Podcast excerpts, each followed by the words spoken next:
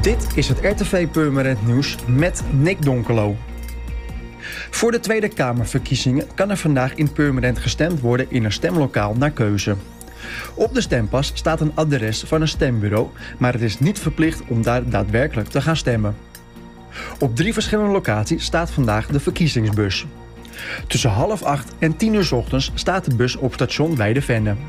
Tussen half twaalf en half vier staat de bus op de Kaasmarkt. En tussen vijf uur en acht uur staat de bus bij het treinstation Purmerend op het Beatrixplein. Op de site van de gemeente Purmerend staan alle locaties waar gestemd kan worden. In de Taborkerk zijn afgelopen vrijdag zes gedichten van leden van de dichterskring Waterland onthuld... die het komende jaar op diverse locaties in Purmerend te lezen zijn. De verkozen gedichten worden opgehangen in het Dijklanders ziekenhuis en bij meerdere locaties van de zorgcirkel. De zes gedichten zijn uit 18 ingezonden poëziestukken gekozen door een jury. Voor drie locaties van het Dijklanders ziekenhuis zullen de gedichten van Sebastiaan Stroosnijder, Nelke Vermeulen en Marcella Boomsma worden opgehangen. In vijf zorgcentra van de zorgcirkel gaat het om gedichten van Henny Piem, Marcella Boomsma en Thea Hilster. Na vier maanden op de locatie gehangen te hebben, verhuizen de gedichten naar een volgende locatie.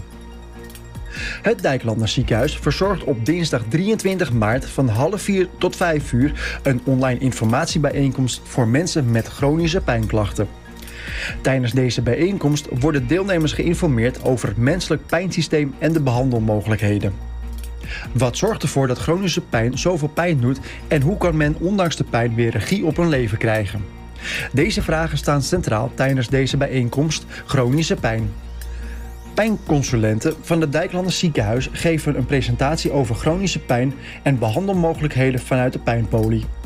Mensen met chronische pijn, maar ook hun naasten die meer informatie willen weten over pijn en pijnbehandeling, kunnen gratis deelnemen aan deze online informatiebijeenkomst. Aanmelden is mogelijk door een e-mail te sturen naar pijnpolie blz.nl of te bellen met de pijnpolie van het Dijklanders ziekenhuis.